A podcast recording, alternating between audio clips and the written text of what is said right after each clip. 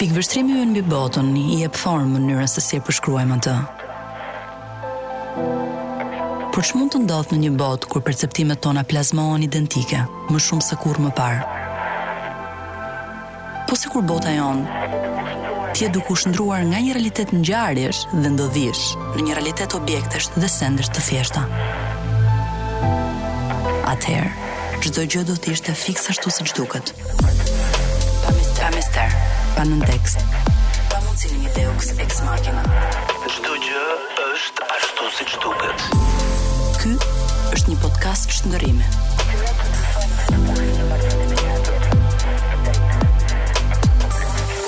Çdo gjë është ashtu siç duket. Mirëmbrëma, um, jemi në episodin e dytë të sezonit të dytë të podcastit Çdo gjë është ashtu si duket. Një podcast i cili transmetohet uh, kudo në Spotify, në Apple, live Top Albania Radio, në platformën e Top Albania Radios dhe sigurisht edhe në Top News. Ë uh, të ftuar për ditën e sotme kam Arbër Çepanin. Kënaqësia ime shumë, shumë e madhe, sepse ti e di se sa fort të dua dhe të jemi në këtë në këtë tavolinë në këtë ballafaqim, në këtë ballafaqim. Të thotë shumë interesant në llojin e vet. Unë Arbrin e kam xhan për shumë arsye. një ndër të cilat është sepse ë uh, në radhë të parë një Arbri ka prezantuar një model ndryshe të të qenurit mashkull në Shqipëri, të paktën unë këtë gjë e besoj realisht dhe kam ndonjë do ta prekim këtë. Gjatë ecurisë së podcastit tonë, e dyta sepse Arbri ka sjell edhe një mënyrë ndryshe të të bërit sipërmarrje në Shqipëri, pra, me gjithë komponentët e vet, të cilët janë komponentë etik në radhë të parë. Kështu që për këtë arsye unë kam pas shumë të rëndësishme që Arbrin ta kem potencialisht në një nga episodet e mia, pavarësisht se sezoni që shkoi s'pata mundësinë. Kështu që Arbri edhe një herë mirë se ke ardhur sot. Faleminderit edhe një herë Ana, jo për të të kthyer uh, gjithë komplimentat, por edhe ti për mua je një ndër ato vajza që është komplet një një zhanër tjetër për realitetin shqiptar, sepse shpesh shofim uh, modele që nuk përçojnë asnjë lloj frymëzimi tek njerëzit dhe ti je modeli që mund të ishe shumë kollaj si gjithë të tjerët, por ke zgjedhur të jesh jo si gjithë të tjerët dhe për këtë më vjen shumë mirë vërtet. U skuqa tash. Arbër. Ti ke ndërmarr një iniciativë të re, um, e cila është pjesëmarrja jote në Dancing with the Stars. Përpara se të kalojmë te kjo pjesë, dua të them që një ditë në një kremtim takoj tët motër. Mhm. Edhe më thot mua, uh, si është, si si është, kështu Arbrin e ka shumë për zemër edhe them unë, Arbri jot është i papar, thot, po se ç'bën thot ai se nga i gjen ca gjëra ja tash nuk e di a ke marr vesh tash do futet në një kompeticion kërcimi. edhe fillova të qesh thashë kjo është tipike Arbri që e rishpik veten e vet në një mijë forma të ndryshme. Ëm, um, cili ka qenë, po themi reagimi ose efekti i parë që të ka krijuar momentin që ti ke marrë ftesën për t'u bërë pjesë në një kompeticion kërcimi? Ë, uh, mua më pëlqen gjithmonë të sfidoj veten në situata të ndryshme sepse më heq pak edhe nga monotonia e përditshme që në Shqipëri shpesh herë dhe na zë ajo monotonia një lloj mërzie kolektive dhe këto janë disa uh, pickime le të themi që të të të sjellin një lloj uh, një lloj pozitiviteti ndryshe Por kur më ka ardhur ftesa për Dancing with the Stars, të them të drejtën, as nuk se e prisja dhe as nuk është se isha i përgatitur, nuk e mendoja momentin e duhur, jo sepse për të bërë kërcim apo për të qenë te Dancing with the Stars, por kur je në atë monotoninë e punëve të përditshme, sidomos sipërmarrja në Shqipëri, ty të hapen 100 halle, 100 siklete, 100 gjëra që duhet të jesh gjithmonë prezent, duhet të jesh gjithmonë aty që ta shohësh se si është mbarëvajtja dhe kur të vjen një ftesë nga nga Ola që e kemi dhe mikeshë të përbashkët dhe Ola është person që s'i thua dot asnjëherë jo, domethënë e vështirë është po. Gjen gjithmonë një mënyrë për ta mbushur mendjen. I thashë gjëja e parë që thashë Ola i thashë di si jam i thashë nga puna deri në fyt thashë nuk e kam çik vështirë thashë për çështje kohe jo për tjerë thashë çështje kohe do do jem në në stres. Hajde tha provoje tha ç'ke ti tha. Se këtë ja them gjithmonë, ma përmend gjithmonë. Një orë tha, një orë në ditë do mbarosh punë tha, ashtu tha asnjë lloj gjëje. Nga një orë në ditë u kthye në një orë në ditë nuk është puna një orëshit më. Është puna ditën e parë të provave. Kam qenë një gati një gjysmë ore me vonesë. Sepse kisha e kisha me një lloj kështu, domethënë nuk është se Domethënë, okay, doja ta bëja ditën e parë që kam qenë në prova, domethënë më ka ndryshuar komplet pastaj perceptimi. Domethënë është një lloj spektakli, një lloj evenimenti që ti edhe nëse nuk e kishe prioritet përpara, pra nuk e kishe në agjendën e prioriteteve që ta vije në prime time të prioriteteve, ty të vihet në mënyrë automatike, sepse është është një kompeticion sportiv dhe edhe që është një kompeticion që ty të futet të kap një lloj sedre që nuk mundesh më ta lëshosh gjënë. Dhe ditën e dytë kam qenë gati 20 minuta përpara në prova dhe ti jo vetëm që jo vetëm që nuk shikon më atë orën është një apo është dy, por kërkon gjithmonë më shumë, kërkon gjithmonë më mirë, kërkon gjithmonë Të jesh sa më i perfeksionuar në atë që po bën, pavarësisht se gjithë pastaj kanë uh, aftësi të, të ndryshme nga njëri tjetri, por është një një një spektakël dhe një eveniment që të tërheq aq shumë sa momentin që t'i futesh kësaj maratone do patjetër që ta çosh përpara me sa më shumë uh, dinjitet dhe me sa më shumë kënaqësi. Po s'e shijove normalisht Nuk do e kesh rrugën e gjatë. Ne do kalojmë pak në publicitet dhe pastaj do rikthehemi bashkë për të folur për pjesën tjetër. Ë uh, Arbër, tash ti ke një të shkuar interesante sepse unë do ta quaj e shkuara jote kubane. Ë uh, një histori një jetë tjetër. një jetë tjetër. Që ta dini ju të gjithë që na dëgjoni, për Arbër nuk është kuptuar mirë nëse është lindur apo është transferuar në Kubë. Fakti është që fëmijëria e hershme fare fare e ka gjetur në Kubë. Mendon që ë um, Kjo lidhja jote me një vend i cili në thelb është një vend shumë pasionant, domethënë të paktën në imagjinarin kolektiv me të cilin na vjen, ëh, domethënë kërcimet kubane, rumi, cigaret, peizazhi, deti i jashtëzakonshëm e me radhë. Mendon që në një farë mënyre kjo gjë ka ndikuar diçka tek qasja që ti ke ndaj kërcimit, pozitivizmi për ta ndërmarrë këtë sfidë, fakti që kërcimin e parë pate tangon që gjithsesi është një kërcim po themi që ka rrënjë latine, apo jo, një tango po. për më shumë e mrekullueshme, shumë e bukur, shumë e ndjerë. Faleminderit. Ëh, besoj që ndikon çdo eksperiencë e jona në jetë, ne na lën një gjurmë edhe atëherë kur mendojmë se s'na ka lënë një gjurmë. Kuba edhe të shkosh 10 ditë me pushime të lë gjurmë, jo më të jetosh 6 vjet atje vitet e para të të jetës. Pra çdo gjë që ti ke marrë nga fëmijëria, e ke marrë nga një vend Që ashtu sikurse the ka një pasion të jashtëzakonshëm për çfarëdo lloj gjëje. Ke ke kështu kujtime flashback nga periudha? Kam shumë kujtime, është është e çuditshme në fakt, por kam shumë kujtime, çdo kujtim që kam nga fëmijëria e hershme e kam nga atje dhe kam shumë gjëra që më kanë mbetur në mendje nga ai vend. Ndër të gjithë gjërat më ka mbetur në mendje pozitiviteti i njerëzve. Mm -hmm. Se si ata njerëz kishin shumë pak, po ishin shumë të lumtur, sepse kemi qenë dhe ne në komunizëm që kishim shumë pak. por nuk besoj se ishim edhe aq të lumtur. Kishte një lloj mbyllje, kishte një lloj ndrydhje psikologjike, ndërsa ata kishin realisht pak po ishin njerëz të lumtur, kishin ata lumturoheshin se kërcenin në rrugë, po të hapej një magnetofon kudo të dëgjohej muzikë, ata fillonin të kërcenin. Po nga mendon se vjen kjo? Se edhe Kuba ka qenë sistem politik i mbyllur. Mendon që kanë një gjë që është e brendashkruar në kulturat po, e popujve apo? Patjetër, patjetër besoj që ndikon shumë edhe pjesa uh, gjithë pjesa kulturore, gjithë pjesa ndikon shumë natyra, pra mm. një vend që është gjithë kohës i rrethuar nga palmat, nga deti kristal, nga dielli, pjesën më të madhe të të vitit. Domethënë janë janë gjërat që përgjithsisht gjërat bazike që njeriu do. Ne në jetën tonë të përditshme, pavarësisht se sot mund të kemi shumë më të mira materiale, Ajo që ne ëndërrojmë gjithmonë është ah sikur të bëja një pushim të ikja një javë në Kubë për shembull të ikja dy mhm. javë në Kubë, ose në një vend me natyrë të paprekur. Ose në një vend me natyrë të paprekur, të iki diku, të iki në ishujt Sejshel diku mos ketë, të ketë vetëm det rërë dhe natyrë. Pra, këta këtë gjë e kanë bazike, e kanë bazike, kanë një ndër pikat më të bukura të globit dhe kam përshtypjen sigurisht që kjo ndikon. Dhe shtuar kësaj kanë dhe një kulturë ë purot, rumi, muzika. Purot që përgatiten duke u dredhur nëpër shalë, kështu e do tradita. Jo, jo, po. është, ajo është në shalët e grave. Ta vendosh në shalët e burrave nuk, nuk është, nuk është. Është ai që të hejse, po mund të ndjell, se megjithatë, po, okay. Po është, domethënë, të gjithë këto detaje ty të të fusin në një, të fusin në një botë tjetër, në një energji tjetër, të fusin Dhe sigurisht që ti ndikohesh, domethënë thashë ndikohesh edhe me me një pushim që mund të bësh atje, jo më të kesh kaluar gjithë fëmijërinë e parë.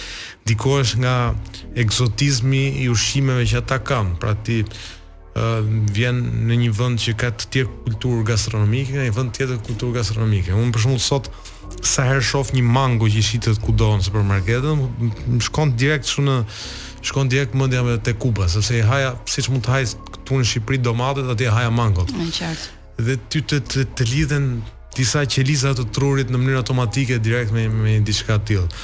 Edhe ke dancing ju them gjithmonë gjithë kohës, amon më jepni ato latine, amon më jepni pra, një gjë kështu. Këtu, jepni këtu, çik këtë çik pasion mre, këtu doja, nuk këtu doja me dalë dhe unë, domethënë ti këtë gjurmën, gjurmën kubaneze, e cila në një farë mënyre është brenda shkruar në këtë identitetin tënd, kesh ke shkruar dhe e ke shpalosur dhe aty në dancing, do doja të dija, domethënë, si ka qenë procesi i studimit të, ok, e kemi këtë personazhin përpara, duhet t'i nxjerrim më të mirën këtij njeriu, që është dhe në kërcime, kërcimi është një, është një mënyrë shprehie. Pastaj, domethënë, është shumë interesante se si Beketi, për shembull, që është dramaturgu i famshëm, ai thotë, ë, dance first, think later, thotë that is the natural order. Ky duket budallëk, po në fakt nuk është ashtu, sepse njeriu përpara se idetë e veta të mësonte t'i shprehte me fjalë, i ka shprehur me gjeste dhe i ka shprehur me kërcim dhe ka shumë antropologë, që merren pikërisht me këtë lloj përmase. Kështu që për të parë në një farë mënyre si mund të nxirret kjo më e mira jote përmes kësaj gjuhe të re trupore. Cili ka qenë procesi që kanë kaluar stafi i dancingut me ty? Ë uh, si fillim ë uh, shumë bashkëbisedime me disa pjesëtarë të ndryshëm të stafit të, të dancing. Sa i përket edhe historikut tim, sa i përket edhe çdo gjë që kanë bërë, pra janë munduar të marrin dhe kam përshtypjen edhe thjesht nga ky bashkëbisedimi pasaj se përtej gjërave që ne themi ose përtej detajeve të pikave që mund të jenë në CV apo në biografi, çdo gjë pasaj është me impakt njerëzor. Nga bashkëbisedimet, disa shumë prej tyre edhe njihemi prej kohësh, kështu që besoj ë jo vetëm në rastin tim, por në rastin e të gjithë konkurrentëve, më ka bërë shumë përshtypje që sidomos nata parë, sepse nata parë ishte ajo që duhet të jepeshin le të themi ato koreografi sipas ë dhe karaktereve të personazheve, për mua kanë qenë shumë të goditura tek të gjithë. Për shembull, ta them me sinqeritet që Tango më ka pëlqyer gjithmonë, kam parë ato skena me Al Pacino në mm -hmm, te Aromë, Aromë gruaje. Aromë gruaje mm -hmm. Antonio Banderas në disa raste në 2-3 filma, domethënë gjithmonë më ka pëlqyer tensioni që ka brenda, pasioni që ka brenda, gjithë çdo çdo gjë që përçohet pikërisht edhe pa qenë nevoja për të folur, por për të qenë i sinqertë nuk e kisha provuar kurrë, domethënë të të tentoja ta kërceja apo kisha bërë një kurs tangoja apo ku di unë. Dhe fakti që e ndjeva aq shumë si si koreografi të të parën, kam përshtypjen se lidhet me gjithë ato gjëra që thashë pak më parë, pra janë të gjitha gjëra që ty ti i ke në atë hard diskun tënd. dhe në një moment të caktuar gjen mënyrën dhe mënyra nëpërmjet kërcimit është gjithmonë një mënyrë që na nxjerr pa pa doreza. Pa doreza. Më, do të them një një fjali që më ka thënë një miku jonë shumë i afërt i përbashkët, Ervin Goci. Po, të cilin e përshëndesim. Aha. Ervin është gjithmonë Ti e di shumë mirë si është Ervini, të gjithë njerëzit e dinë që si është Ervini që ka gjithmonë diçka për të thënë. Po, patjetër, kjo është veçantia e vet. Dhe kur i thashë që do jem te Dancing, prisnja që të prisnja që të më thoshte diçka të më të ma të ma minimizonte pak si gjë, të, më kupton. Më ka marrë në telefon një ditë mbas spektaklit të, të shtunën, Dhe më thotë me seriozitetin më të madh, domethënë se Ervini ka është është bipolar në sensin pozitiv, domethënë ose të flet me shumë seriozitet ose të merr me shumë shaka. Dhe me shumë seriozitet më thotë Arbër, merre seriozisht këtë gjë që ke nisur, sepse njerëzit nëpërmjet gjuhës së trupit mund të dashurohen me me dikë në aspektin televiziv. Pra, gjuha e trupit është shumë e rëndësishme dhe sepse tregon fakt E shpirtin që ke brënda, është pa është pa doreza. Kjo flet shumë, kjo flet shumë. Ë do kalojmë një minutë në një pauzë, pastaj do rikthehemi. Çdo gjë është ashtu siç duket. Në Top Albania Radio. Arbër, për këtë atë që thamë më parë, unë dua ta rimarr. Sa flet gjuha e trupit për personin që ne jemi dhe se si në një farë mënyre kërcimi në përditshmërinë tonë është është minimizuar shumë. Ëm um, Një nga gjërat që un kam më kënaqësi sa herë që bëj emisione është që të marr për shembull një ose një etimologji fjale ose një përmasë që ka pasur mitike dikur. Ëm um, shumë kohë më parë, ë, uh, ishte një foshnje e quajtur Zeus, sipas mitologjisë greke, e cila pastaj do të bëj do të bëhej zoti i i tokës dhe i i, i gjithçka, domethënë. Ëm um, i cili lind nga martesa e Kronosit me Rean. ëm Zeusi martohet me atë që është perëndia e kujtesës ose ndryshe Mnemonesis dhe lind nënt artet. Ndër të cilat kryetarja, po themi ajo që ishte në krye të këtyre arteve ishte pikërisht Terpsikore siç i quhet ose ndryshe muza e kërcimit.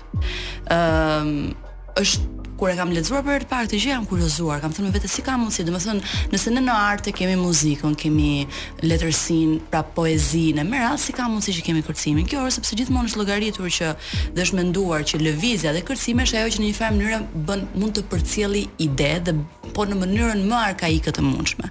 Pra bën bashkë edhe poezinë atë që është poezia e trupit, por nga ana tjetër shkon për dore me muzikën e me radhë, që do të thotë një njeri i cili është duke kërcyer me pasion është një njeri i cili automatikisht di të përcjellë një ide pa thënë fjalë.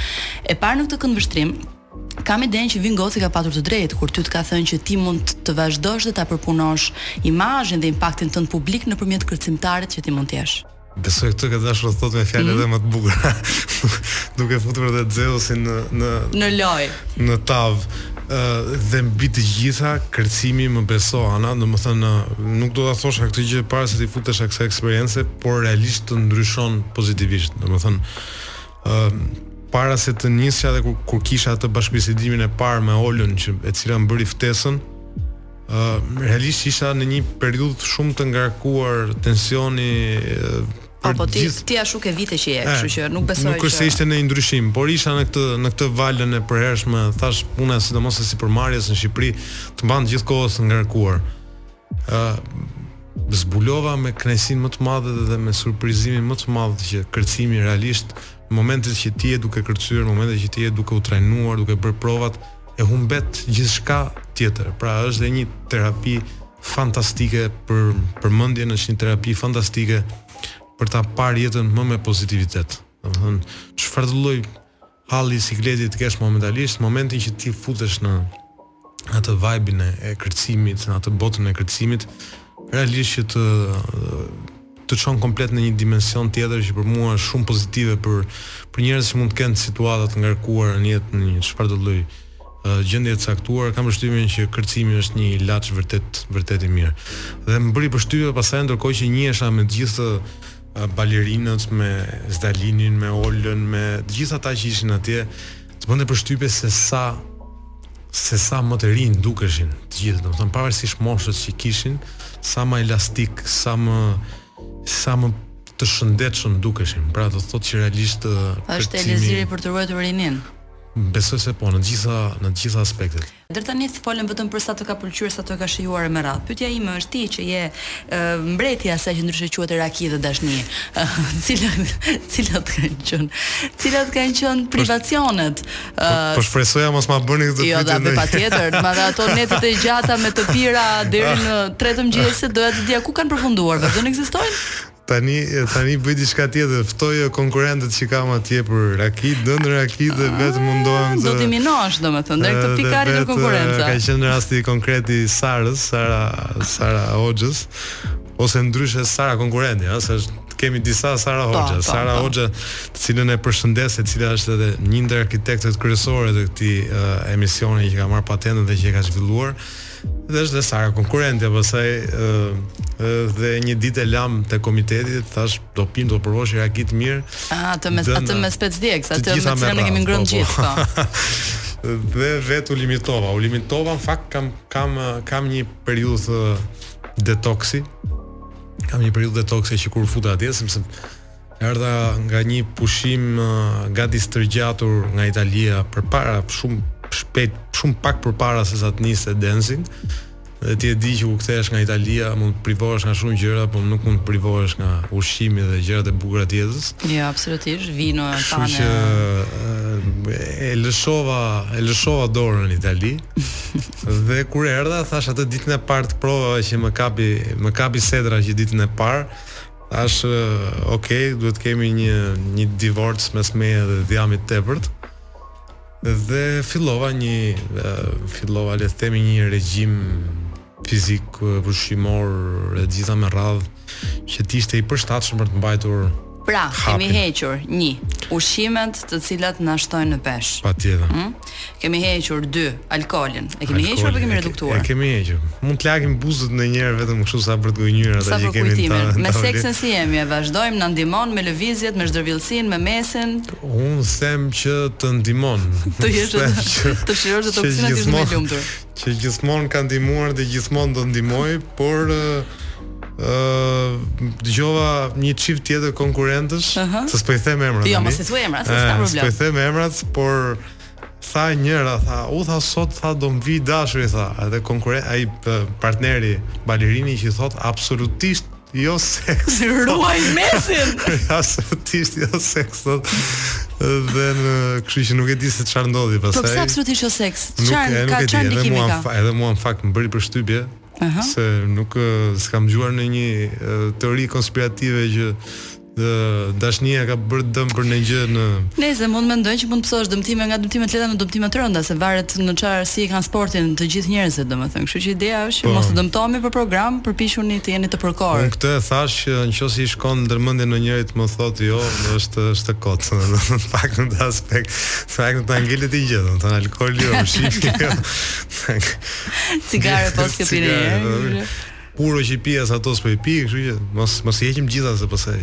Është e vërtetë, pastaj mm. kthehet në një lloj diktature dhe kërcimi, ah. ndërkohë që në thelb supozohet që të jetë një një ah. kënaqësi apo jo. Arbër, uh, një pyetje, ishte shumë interesant sepse kur un pash puntatën e parë, pash që kishte një entuziazëm real nga ju që ishit konkurrent ë domethënë ti e ndjen kënaqësinë entuziazmin etj etj dhe e kupton që nuk është një situatë e stisur pra nuk është diçka artificiale por nga ana tjetër kam përshtypjen që ndihet edhe një një po themi ton një nuancë konkurrencë në mes kam idenë që konkurrenca do të jetë e egër domethënë mendoj që njerëzit që janë fut aty realisht janë fut për të fituar konkurrenca realisht është e egër dhe për ata që mendonin se nuk do futeshin për një konkurrencë të egër me këtë idenë e pjesëmarrjes, edhe ata sot e kanë konkurrencën e egër, sepse siç thashë edhe pak më parë, është një kompeticion që ty ta imponon që ti të impenjohesh maksimalisht që ti t'i shkosh gjësë me dinjitet deri në fund dhe të gjithë aty nga i pari tek i fundit e kanë marrë me seriozitet të madh dhe po impenjohen realisht shumë në prova, është impenjim shumë i madh. Praktikisht thashë nuk e ke në axhendën e prioriteteve ndoshta në fillim, por do apo nuk do të zë vendin e parë në në prioritetet sepse qoftë në aspektin fizik, qoftë në aspektin e kohës, qoftë në aspektin e impenjimit shpirtëror, mendor dhe të gjitha me radhë. Kështu që ë konkurrenca është shumë e fortë. Cili është konkurrenti nga i cili ke më shumë frikë ose nga i cili ke më shumë frikë? Por, por përpara se t'i përgjigjem edhe kësaj. Po e du sinqert pyetje, nuk duk po. shumë ne të gjithë duhemi njëlloj, jo, i jo. vlerësoj jo. të gjithë, janë të gjithë shumë jo, të mirë. Thjesht edhe ajo dashuri që dukej e sinqertë, Edhe ajo ekziston, sepse realisht kemi punu fort. Jo, ajo ndjehet. Po, ajo ndjehet realisht... në, në gëzimin që sa herë që hynte secili kishte një gëzim real për ta mirëpritur mbrapsht. Sepse pra, sinergjia ndjehet. Sepse përtej uh, të gjithë konkurrencës edhe faktit që ti do të shkosh gjithmonë e më përpara, ka një lloj solidariteti për për rrugtimin. Për rrugtimin, për lodhjen, për impenjimin që ndihet tek të gjithë. Dhe ky lloj solidariteti në një moment të caktuar është një lloj çlirimi atje kur edhe ia ia ia, ia tregon njëri-tjetrit. Sa për konkurrencën, ë uh, Kë ke më frikë ti? Besoj që nuk është se po bëj diplomatin. Po, oh, o Zot të lutem, mos ma bëj këtë në emision se jo. është e tmerrshme domethënë. Jo. Të lutem. Po, jo, Kush është një po, person të cilin ti e ke më se realisht kam. Dhe kjo nuk ka të bëjë me nëse është më i mirë apo jo. Kjo ka të bëjë me faktin që ti mund ta ndjesh te tipologjia më e përafërt. Më kupton? Pra, si me thënë, konkurrenca jote mund të mos jetë dikush që nuk po, është se po e shtrojmë kë mendon ti që është më i mirë. Ë kë mendon ti që në një farë mënyre mund të po, zërë atë audiencë. Ta shtjelloj pak si si përgjigje, domethënë për mos shkuar direkt ke ke emri. Ta shtjelloj pak sepse ë realisht është shumë shpejt një herë për të kuptuar se kush është konkurrenti jot dhe kush nuk është. Mhm. Mm javën e parë kishim pak më shumë kohë për të përgatitur numrat tanë. Dhe si në çdo aktivitet tjetër, si në çdo fushë tjetër, në në biznes që unë e bëj për ditë, ë fillimi ka gjithmonë entuziazëm shumë të madh. Pra fillimi ti e merr gjithmonë me qejf, është si ato fillimet saherë ti shkon palestër tre herë në vit, ato 3 ditët e para ka gjithmonë entuziazëm të madh. Pastaj po, vjen. Po, unë s'i kam kalu kurrë 3 ditët e para. Ja, shikon, pastaj java parë, java e dytë, java e tretë, muaji i parë, muaji i dytë fillon bie entuziazmi dhe mbetet vetëm disiplina. Mm -hmm. Pra dhe në këtë rast entuziazmi është shumë i madh tani. Në fillim sigurisht nga ana e të gjithëve, ata që dinë të kërcejnë, ata që s'din, ata që janë impenjuar, ata që s'janë impenjuar, entuziazmi është shumë i madh. Sa më shumë kalojnë ditët, aq më shumë do bjerë entuziazmi, dhe duhet të rritet disiplina, pra mm. sepse bie entuziazmi, normalisht ti do të dalësh, mund të marrësh nota të këqija nga juria, entuziazmi do të bjerë, ti mund të impenjohesh shumë, por ndoshta nuk del ajo që ti shpreson dhe pretendon dhe entuziazmi prap bie, por ajo që e bën diferencën midis një uh, konkurrenti të fortë, një jetë në dancing, në biznes apo kudo qoftë, është rezistenca. Është rezistenca mm -hmm. dhe disiplina për të ecur përpara pavarësisht gjithë vështirësive që ty të hasen përpara. Unë po mhm. tregohem i sinqertë për shembull unë këto ditë kam pas shumë probleme dhe edhe fizike të muskulaturës. Po sigurisht. Se kalova nga një regjim thashë pastash edhe vinosh në Itali në një regjim um, ushtarak do thoja gati që është dancing dhe nga dëshira e madhe për të mbajtur ritmin, ndoshta kam edhe tejabuzuar me me me muskulaturën dhe me të gjitha me radhë, domethënë edhe palestër, edhe prova, edhe gjithçka tjetër. Dhe kjo ndodh dhe kjo sjell normalisht sjell vështirësi, sjell uh, ngecje, sjell sa i aftë do jetë gjithsecili prej nesh për të ecur përpara pavarësisht të gjitha këtyre vështirësive. Kjo e tregon realisht se kë duhet të kesh Kujdes për konkurent dhe kë jo. Sot që ne flasim është akoma shumë shpejt për të kuptuar se kush se, unë mund ta qaj një koreografi, por është koreografia e parë, domethënë thashë ë vazhdimësia kjo të merr të merr një kohë shumë të madhe të ditës e gjithë gjëja. Pra, të gjitha këto janë balanca që ne do i bëjmë me veten në një moment të, të caktuar dhe se sa të aftë do jemi ne të të, të ecim përpara për ta çuar përpara këtë të kompeticion. Dhe besoj ë jo më larg se nga mesi i kompeticionit, aty do kuptojmë shumë mirë se kush ka brumin për të ecur përpara, kush ka kush ka këllqe thotë populli për për ta çuar gjënë deri deri në fund, sepse ai është një moment që nuk mjafton thjesht entuziazmi apo dëshira e mirë. Ia dola që mos e them emrin. Ia dole që mos ta thosh emrin, unë u zhgënjeva shumë. U zhgënjeva shumë sepse ti u detyrove të po, bëje një ese shumë të gjatë tonë për të më shpjeguar mua që po emrin nuk dua ta them, e kupton? Po jo, po se nuk është, do të them, edhe po të ta them emrin do ishte, do ishte. Jam jam duke bërë shakat. E kuptoj shumë mirë. Po e kuptoj shumë mirë pikën nga nga niset diskursi jot, në fakt ka shumë sens sepse Siç të gjithë ne e dimë, në jetë dhe kudo, ai që fiton në fund nuk është personi që ka sprintin më të shpejtë në fillim, po është njeriu po. që ka rezistencën më të gjatë mbrapa dhe kjo për shembull një nga arsyet pse njerëzit zgjedhin të trajnon të trajnohen edhe për maratona në mënyrë uh, amatore, po themi, është pikërisht për të dëshmuar që ata mund të kalisin rezistencën për t'u përballur dhe për të diktuar rregulla të tjera trupit të tyre. Pra sa arrijnë të rezistojnë në këtë gjë. Ne do kalojmë në një ndërprerje të shkurtër ë uh, dhe pastaj do rikthehemi prapë me Arbër Çepanin për të folur për gjithë angazhimin e vet jo vetëm në Dancing with the Stars, po se si vetë këtë emision, këtë format, po themi e ka marrë si një mënyrë për të për të dëshmuar diçka në në jetën e tij. Çdo gjë është ashtu siç duket. Në Top Albania Radio. Arbër. Ë uh, po flisnim deri tani, po thonim, po flisnim për dancingun, po flisnim se si është më shumë se sa një emision, është më shumë se sa një kompeticion vetvete. Ë uh, është më shumë se sa diçka në të cilën argëtohesh duke kërcyer në një farë mënyre një sfidë të re, e re që secili prej jush i ka vënë vetes, ë um, për t'u përballur me trupin e tij dhe për ta çuar veten në një nivel tjetër. Tani gjithmonë sa herë që unë për shembull jam një njeri që bëj diving, bëj zhytje. Ë uh, edhe kam nisur para shumë kohësh e me radhë, tani kam edhe një lloj uh, certifikimi me radhë.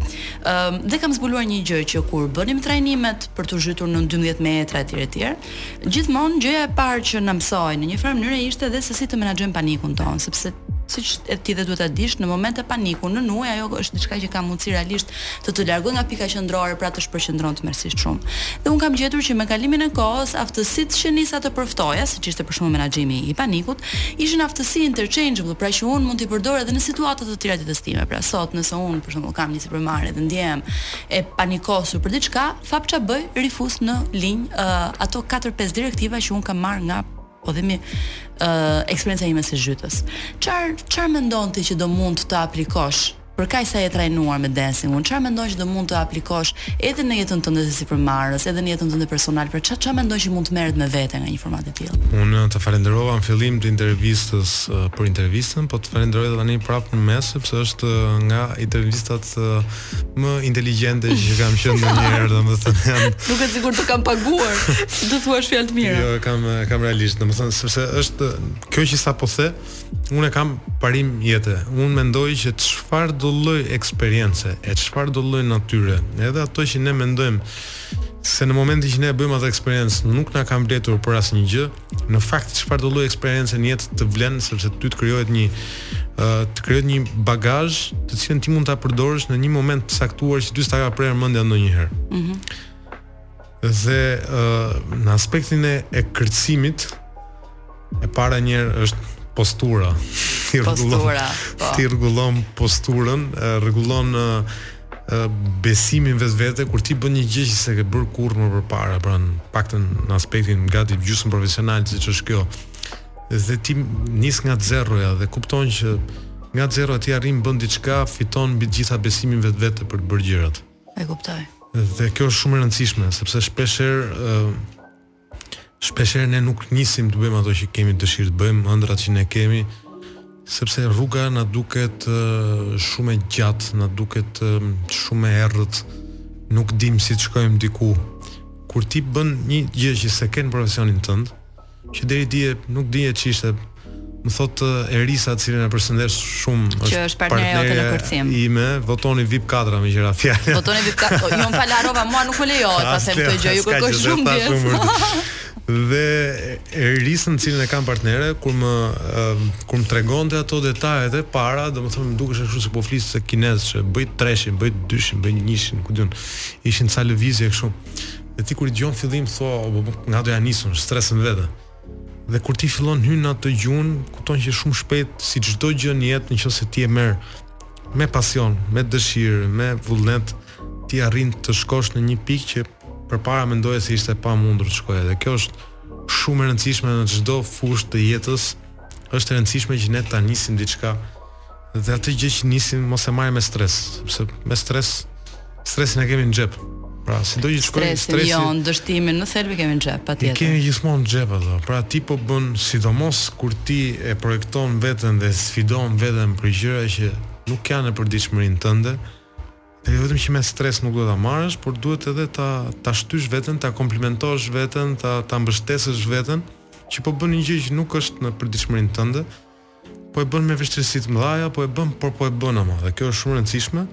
Dhe ky rrugëtimi që ti bën, kur ti e bën me kënaqësi, e bën me pasion, e bën me dashuri, kupton që ato hapat e vegjël që ti bëje në fillim, pak nga pak bëhen hapa më të shpejt, bëhen hapa ai hapat e shpejt pastaj mbas ca kohësh kthehet në vrapim. Mm -hmm. Dhe kur ti kthen kokën mbrapa dhe shikon gjithë rrugëtimin e madh, thua, o ia paskam dalë të bëkam të bëkam diçka dhe kjo është Kjo është në çfarëdo lloj fushe, është shumë e rëndësishme të të ecim përpara me pozitivitet dhe ta sfidojmë veten me të gjitha. Të zhvillosh po themi këtë lloj, këtë lloj qasje mendore. Nuk ka gjë më të keqe në jetë se sa të jesh rehat kjo zona komfortit. Është kjo është një gjë e stërdëgjuar, por është një gjë që duhet stërthënë. Po. Zona e komfortit. Të vret. Ne, ne na mban nuk në qoftë se dikush nuk zhvillohet, nuk shkon përtej asaj që ka sot, ka për të mbetur gjithmonë aty ku është. Domethënë njeriu, njerëzimi ka ecur përpara sepse ca njerëz të zgjuar kanë dashur të bëjnë diçka më shumë nga çka kanë bërë ata që kanë qenë përpara. Pra kjo është edhe një sfidë me veten, bësh gjithmonë më shumë nga çka bërë dje në fusha të ndryshme. Thashë janë eksperienca, kërcimi, nëse mund të jetë një sport që s'e ke bërë ndonjëherë përpara, pastaj nëse mund të jetë një diçka komplet tjetër, të gjitha këto na na bëjnë të kuptojmë Aspekte që ne ndoshta s'i kemi njohur tek vetja, por në momentin që ti i njef të hapin komplet një horizont komplet të të ri. Unë kam pas gjith, gjithmonë në jetën time jam munduar që herë pas here t'i injektoj vetes një një pasion të ri. Dhe këto pasionet e reja më kanë bërë që të kem një dije më, më universale mbi gjërat. Fjala vjen fiksohesha një muaj kot me akuariumet. Dhe filloja studioja ça peshqish ka në akuarium, ça bimësh do akuariumi, çfarë uh, oksigjeni do akuariumi, si e do ujin, si e do këtë. Ty të mund të duket një gjë komplet idiote për një moment të caktuar, por herë pas here duke pasur gjithmonë kuriozitet, duke pasur gjithmonë pasione, bota jote bëhet shumë me ngjyra, bota jote merr një tjetër komplet uh, pamje, le të themi nga pamja e, e, e bardhë e zi fillojnë edhe spikasin ngjyra pak nga pak. Sa më shumë ngjyra spikasin, aq më shumë kolorit merr jeta jote dhe aq më shumë uh, dinamizëm ke në jetën tënde, aq më shumë kënaqësi ke për të shijuar gjërat e vogla. Mua nuk më duket fare idiote, sepse unë mendoj që ky është dhe çelësi i një marrëdhënie të mirë me veten nga ana tjetër. Besoj që marrëdhënia e mirë me veten është një marrëdhënie që se ne diçka bëjmë, ne mësojmë të kultivojmë marrëdhënien me të tjerët. Që do thotë uh, i rrimë pranë njerëzve që duam edhe kur nuk je nuk do donim ta bënim atë gjë, por e kuptojmë që duhet bërë sepse duhet kultivuar ajo marrëdhënie. Përballemi me pakënaqësitë e tyre, mundohemi të jemi me zemër të lehtë, mundohemi të bëjmë domethënë kompromise të vogla në përditshmëri. Dhe harrojmë që dhe marrëdhënia me veten në thelb është një marrëdhënie që kërkon kultivim. Që do të thotë interesat nuk mund të presësh kurrë që gjërat të të vinë nga qielli. Interesat janë një gjë që ti ia krijon vetë vetes tënde. Pra thua, ok, në rregull, unë dua të jem një njeri më i plot, dua të jem një njeri që di të rri vetëm, dua të jem një njeri që argëtohem me veten time, që hap përmasat e mia, atëherë kjo është një gjë që mund ta bëj vetëm unë, nuk është diçka që mund ta bëjë dikush tjetër qoftë dhe ku di unë një podcast që unë mund të dëgjoj apo një libër që mund të blej dhe kjo vjen nga unë, që sigurisht këto të dy gjëra i bëj të dyja. Po dua të them është shumë e rëndësishme ajo që është iniciativa personale dhe kur ti the që unë jam një njeri që përpiqem vazhdimisht t'i injektoj pasione të reja vetes, mendoj që ky është edhe çelësi i suksesit, i faktit pse ti radhë të parë je një njeri i suksesshëm, sepse suksesi ë uh, duket, po nga fakti që ti je një njeri i lumtur dhe një njeri që bën shumë gjëra, domethënë ty të dallohet në fytyrë, buzëqesh etj etj, je një njeri që veten tate e ke marrë me të mirë. Kjo është besoj është është rregull numër 1. Duhet ta marrim veten shpesh herë me të mira. Në rastet më të errta që kam pas, kam kuptuar që kam lënë veten pas dore në disa gjëra dhe aty kanë qenë momentet më të errta. Dhe ka pas raste që kam thënë jo shumë gjërave, që të rikthehesha prapë te vetja. Mund duket një detaj shumë i çuditshëm, por për shembull në rastin e e mbylljes totale nga lockdowni i Covidit, mm -hmm. unë mund të kem kaluar nga situatat uh, më të bukura me veten time. Mm -hmm. Pra në shpinë time i mbyllur në shpinë time për 2 muaj, kisha një pasion që më kishte ngel peng që ishte agrikultura, në tërësi lulet, çdo gjë që kishte lidhje me frutikulturën, me çfarë lloj gjë, Dhe unë shpin praktikisht e ktheva në një, nuk e di, më dukeshe sikur do përmbyteshe bota dhe unë po bëja atë anijen e Arkën e Noas. Arkën e Noas dhe do merrja me vete. Dhe kënaqësia me me zi prisja zgjohesha mëngjes, kishim ato dy orarshin e daljes që kishim mundësinë të shkonim në supermarkete dhe merrja çfarë do lloj fruti ekzotik, çfarë do lloj fruti perime e gjitha. dhe filloja studioja në YouTube se si merret nga këto uh, farat, se si të lindi bima, dhe rastisi fiks ishte ajo periudha e pranverës atëherë kur u bë lockdown. Që ishte një natyrë e jashtëzakonshme, një kohë jashtë. Ishte periudha që çelnin farat edhe. Dhe jam super kënaqur, domethënë dhe ta them me me bindjen më të madhe, domethënë unë zhvillova një një dije shumë të konsiderueshme sa i përket agrikulturës dhe sot e kam me shumë qejf që të investoj edhe si sipërmarrës në fushën e agrikulturës, me gjithë ato nga shumë gjëra që mësova ato dy muaj që kisha kohë të merresha me veten me me këtë pasion. Ato bimët vazhdojnë gjallojnë në shtëpinë tënde? Disa prej tyre po dhe kisha një kam nja dy që i kam me krenari të madhe, shumë të madhe, që i kam shumë të vështira. Është një hurmë Arabie që është shumë e vështirë për t'u bërë. Ëh. Mm dhe mbas shumë tentativash arrita të të nxirrja një filiz dhe ta dhe tre avokado që i kam. Edhe avokadot, po. mua avokadot më kanë dështuar përherë. Po, tre avokado i, i kam, i kam akoma, domethënë që i kanë rezistuar, domethënë dhe i kam kështu si pemë të Kështu që ti tani do na bësh plantacionin avokadove dhe do do do i mbyllësh rrugën karteleve të Mafias meksikane që e kanë kthyer tregtinë e avokados në një gjë të paimagjinueshme. Domethënë ata nuk tregtojnë vetëm drogë, jo, kanë avokados që e kanë shumë të fortë. Çdo gjë është ashtu siç duket.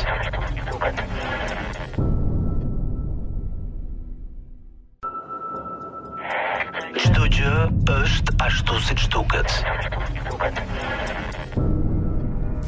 Arbër, ti praktikisht sapo na the që ky ishte edhe një pasion që ti injektove vetes tënde, që ishte edhe kërcimi dhe kjo është diçka që do e marrësh me vete kam idenë edhe mbasi të mbaroj gjithë një rrugtim i cili në fakt sapo ka nisur. Si rrugtim edhe të presin shumë sfida përpara. Ëm uh, ti gja kam idenë që je një njeri goxha i pëlqyer nga publiku dhe për faktin që je një person të cilit duket që i pëlqejnë reality TV. Domethënë, um, në momentin në cilin ti je i bërë, je bërë i famshëm në Shqipëri, ka qenë pikërisht kur fitove Bigun. Ëm, mm -hmm.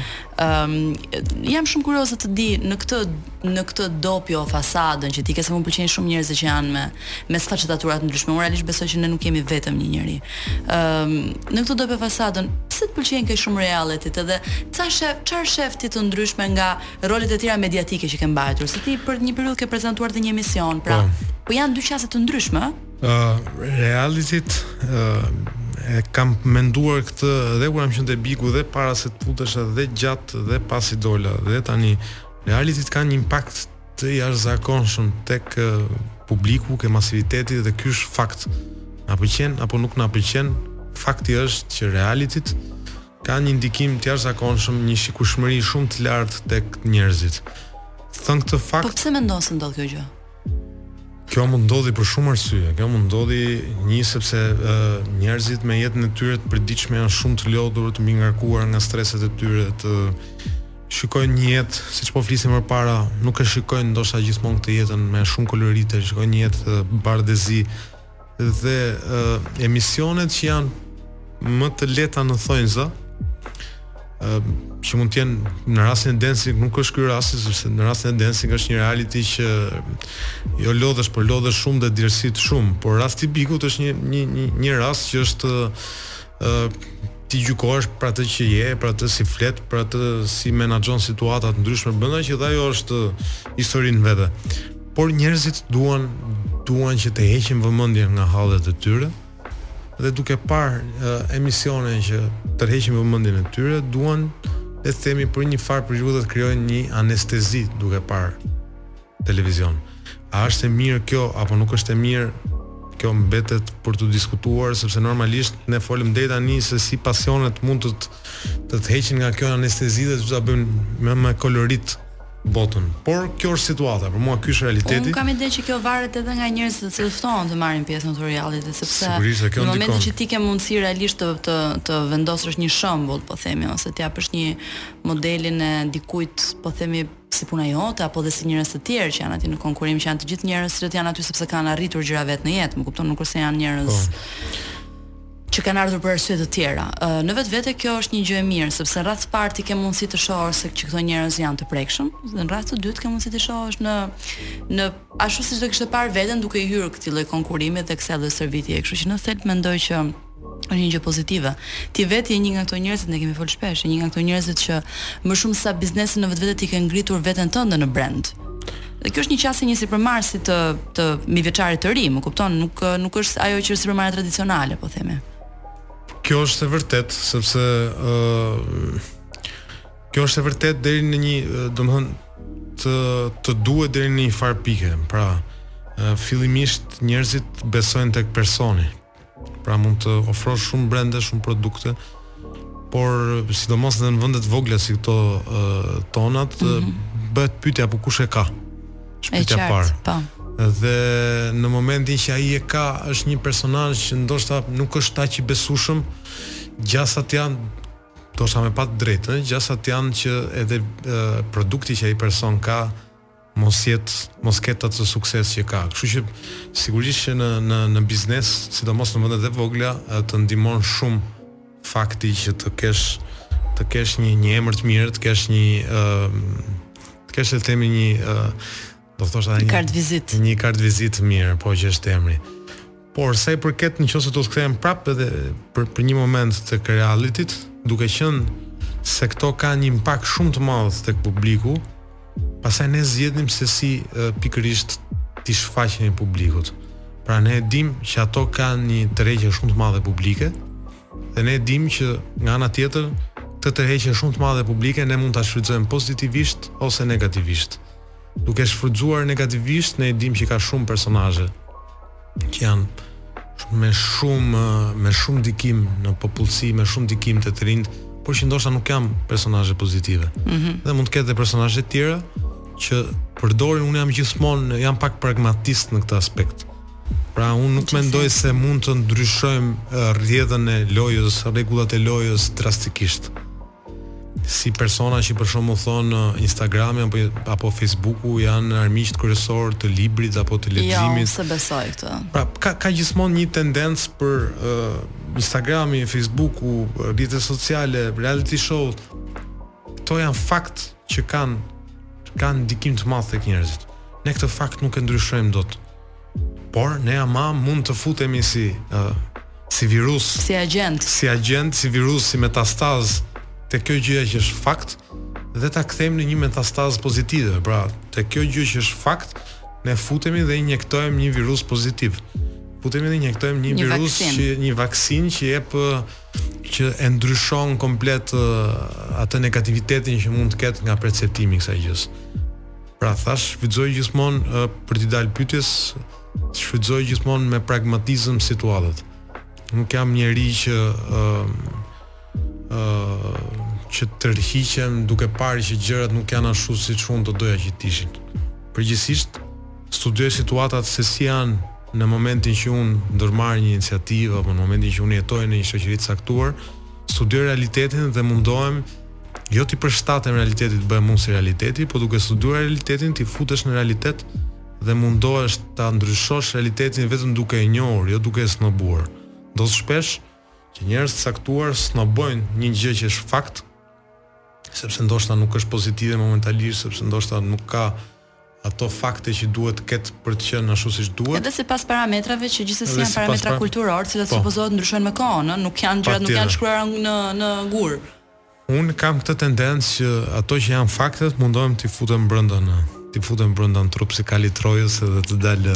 Ky është një mesazh shumë i bukur, sepse është një mesazh dhe unë me këtë mesazh realisht, domethënë doja uh, ta mbyllja. Uh, është një mesazh shumë i bukur që tregon faktin që ne nuk kemi pole të ndara, që dikush që merret me një sektor nuk do të thotë që nuk ngjëron dot, nuk fut dot këmbët në një sektor tjetër, do të thotë që shpesh disa mediume duhet përdoren për të dhënë mesazhe shumë të mira publike dhe por njerëzit duhet të kuptojnë përgjegjësinë që kanë në këtë moment.